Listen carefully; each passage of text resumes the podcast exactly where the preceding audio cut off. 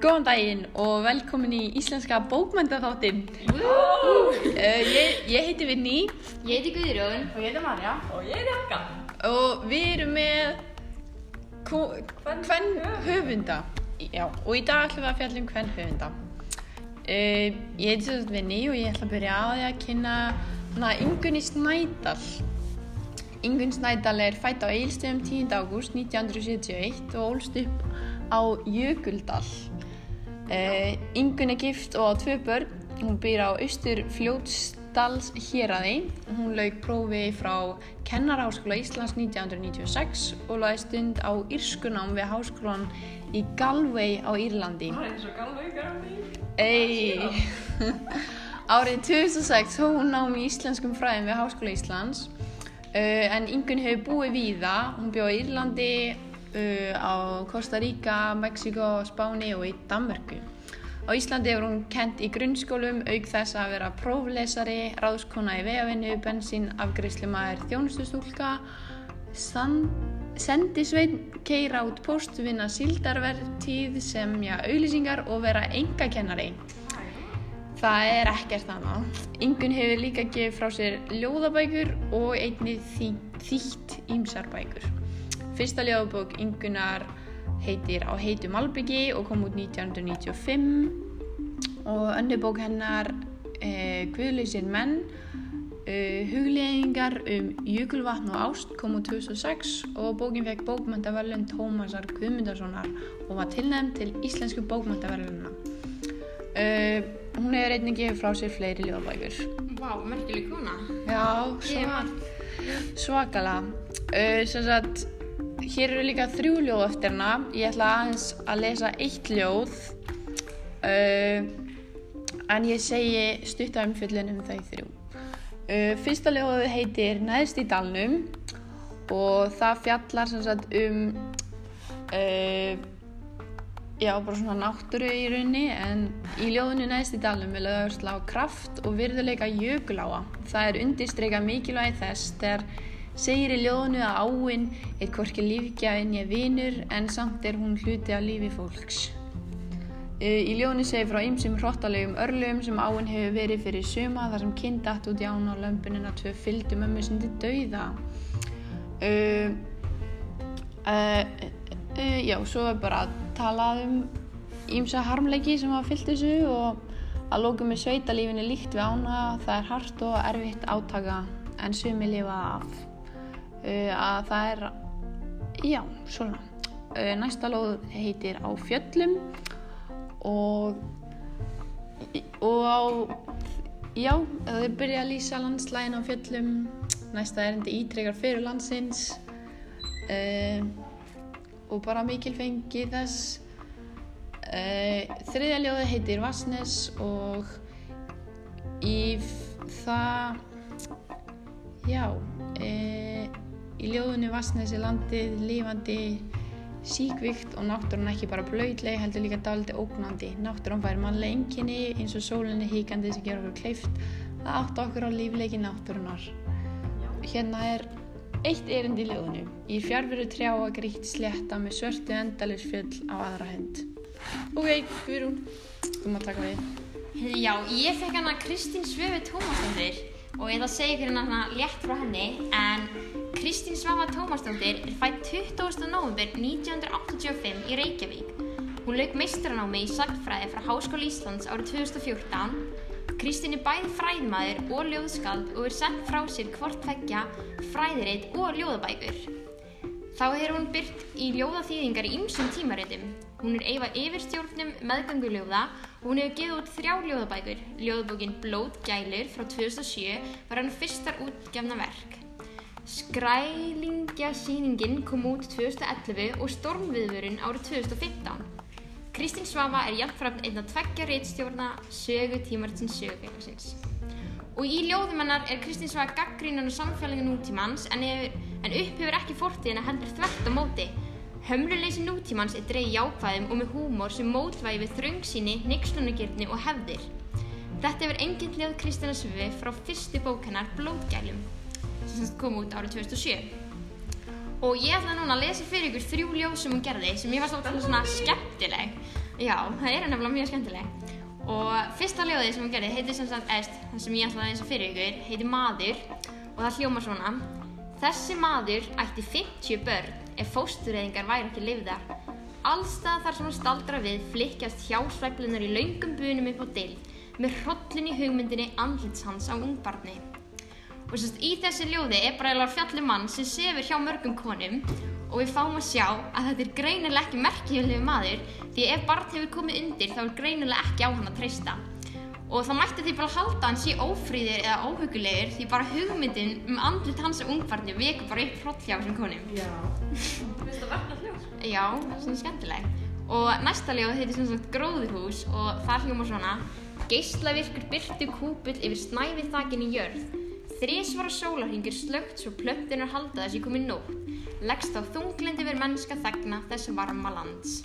Og sem sagt í þessu ljóði er verið að fjalla um sólina sem skín yfir snæfi þaktar jörð og sem sagt þegar sólinu far leggast margir þegna samfélagsins í þunglindi vegna skamdegis myrkus og plöntur leggast í dvala og býða eftir að sólinn koma aftur. Og þess að þriðja ljóðið heitir Morgun og það hljómar svona með nauðungar seyðing í klófinu, rauðeigð og eitthvað staðar miðja vegum millir ölfunar og þingu. Skrýður dögurinn fram úr, lætur fallast á hnýjan og allir litur einhver hálmeltu innvolsi síni yfir okkur varna laus.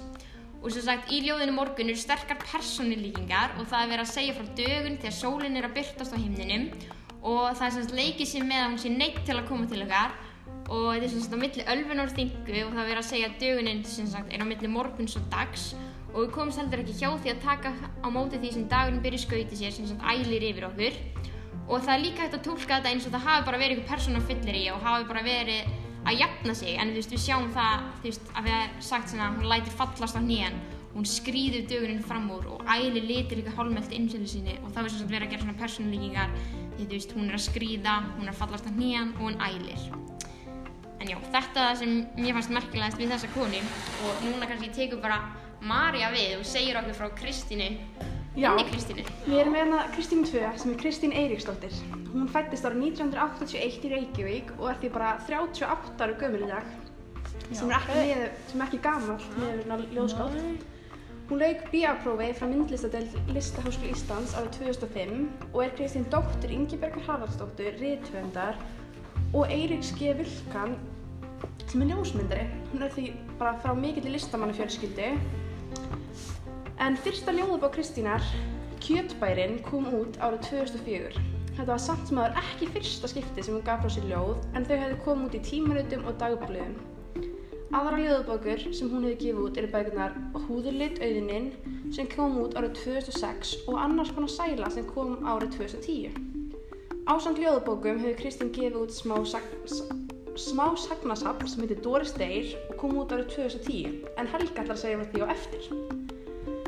Kristín hefur sagt fyrir því að hún hefur búin að ákveða frá ungum aldri að hún ætla sér að listamaður og hefur það ekki breyst. Hún sagði því í viðtali að þegar hún var unglingur þá las hún viðtal við Sverri Stamsker. Í viðtalinu segir hann að hann hafi ákveðið þegar hann var 17 ára, 17 ára gamall að hann ætla sér ekki að vinna við neitt annað en tónlist. Þetta viðtal segir hún að hafa haft mikil áhrif á sig og á þeim tíma hafi hún bara ákveðið sér að hún ætla að gera sama og ætla sér bara alltaf að vera listamaður. Kristín var ung þegar hún skráði sig í feministahóp og sagðist sjálfsögðu vera feministi en samt sem áður reynir hún að halda pólitík og listinni sinni í sikra lagi en segir stundum að það gerist ósjálfrátt að það blandist saman. Sem er eins og í sögunni Hólir í menn. Já, sem hún Helga ætla núna að fara að segja ykkur frá. Já. Uh, sagan Hólir í menn er sagt um stelpu sem fór eitt sumadag með pappa sem myndi í garð að grafa hólu meðan móður hennar og bróður voru ekki heima. Þegar hann var búinn að grafa hól, djúpa hólu í garðinum sett hann moldina aftur í hóluna. Ég held að þetta var einhvers konar myndlí, myndlíking þar sem setna í sögunni segir stelpan að það hafi- orðið líkamleg líkamslaga hóla á milli þeirra þryggja sem sagt móður hennar, bróðir og hennar eftir að faðirinn sem sagt hvarf. En já, faðirinn eh, hvarf sem sagt og þau fundi svona nokkra vísbendingar yfir söguna um hvarfið á honum. Uh, til dæmis ösku sem faðirinn hafi fengið í Marakó og var í henni miði sem ástóð eitur. Þið tóku þá vísbendingur þannig að pappin væri að borða eitur í Marokko. Ég var ekki alveg, ég skildi það ekki alveg, en var frá svo leis. Já, já.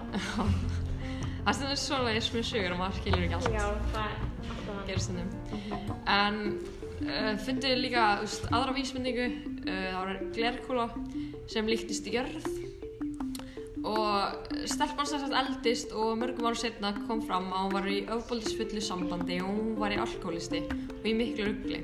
Hún fór í sálfræðtíma sem hjálpaði henni mikið og bara svona að finna hvað henni langaði að gera í lífinu og hún sem sagt fann bara það út að henni langaði að fara í ljósmyndin. Uh, hún flutti til bróður síns í Kaupanöfn og hún tók sem sagt mjög marga myndir bara þar og eitt sinn þegar hún var að taka myndir þá fann hún, eða sá hún svona skip og þá var svona gámar að koma úr skipinu. Og þar fannst sem sagt lík sem var pappinar mjög merkilegt. En uh, jarðarförun var haldin í Kaupmannahöfn. Og já, þau fóru sem sagt í gáminn sem hann fannst í og þá hafði hann verið að skrifa sjálfsæðisu þar sem hann talaði mjög svona stórkallalega þú veist, bara, já. Og inn á milli voru svona blöytar kynlífsögur og það var svona að sagan síni mjög mikið hvernig konur voru lægri í samfélaginu og hvað sumir kalla voru mikla karlrembur. Og það má sjá á söguna á henni skrifa að konu. Vegna þess að bara þú veist eins og pappin var bara að skrifa svona mjög svona karlrembulega í sjálfsæfisögunni sem þau fundi en já, síðan erum við með aðra sögu Doris Day Uh, sagan er sem sagt sög af strák, hann er sögumarinn en það kom mjög óvart því að ég held bara þegar ég byrjaði að lesa söguna að þetta væri kona, ég bara tók því þannig að því að það er kona sem skrifar söguna. En sagan er í rauninni mjög svona stutt en samt löng þannig að en hún fjallar svolítið um það strákur sem kynir stelpu sem heitir Doris og þau fara svona mörg ferðalösa saman og bara sagan fjallar mest um ferðalög þeirra. Þau voru bara alltaf vinir og hún fannst gott að eiga vinkonu án til þess að það væri einhver kærastan hans. Og uh, þegar þau voru að ferðast í Gíbraltar þá sagt, fór hún bara að hágráta eitt kvöldið og hún vildi ekki að hann myndi hugga hana. Og síðan daginn eftir þá fór hún bara án þess að kveðja hann til Afríku og hann fór þá bara til Íslands uh, þau voru í sambandi gegnum tölvupost og hann fekk síðan símtal um að Doris væri dáin. Hann reyndi að ringja tilbaka í númerið en það svaraði ekki og mér sagði hann bara svona mjög tákgræn fyrir vinasambönd eins og var á milli Dorisar og stráksins Já. já, en ég sá ekki eitthvað mikið af þessari sögu að vera konu sem skrifa hana, þannig að hún reyndi kannski að halda því frá hana uh, feministinum, feministar sem bjóði hérna í Já. En takk fyrir okkur. Já, Já, takk takk fyrir fyrir okkur. Við sjáum stressa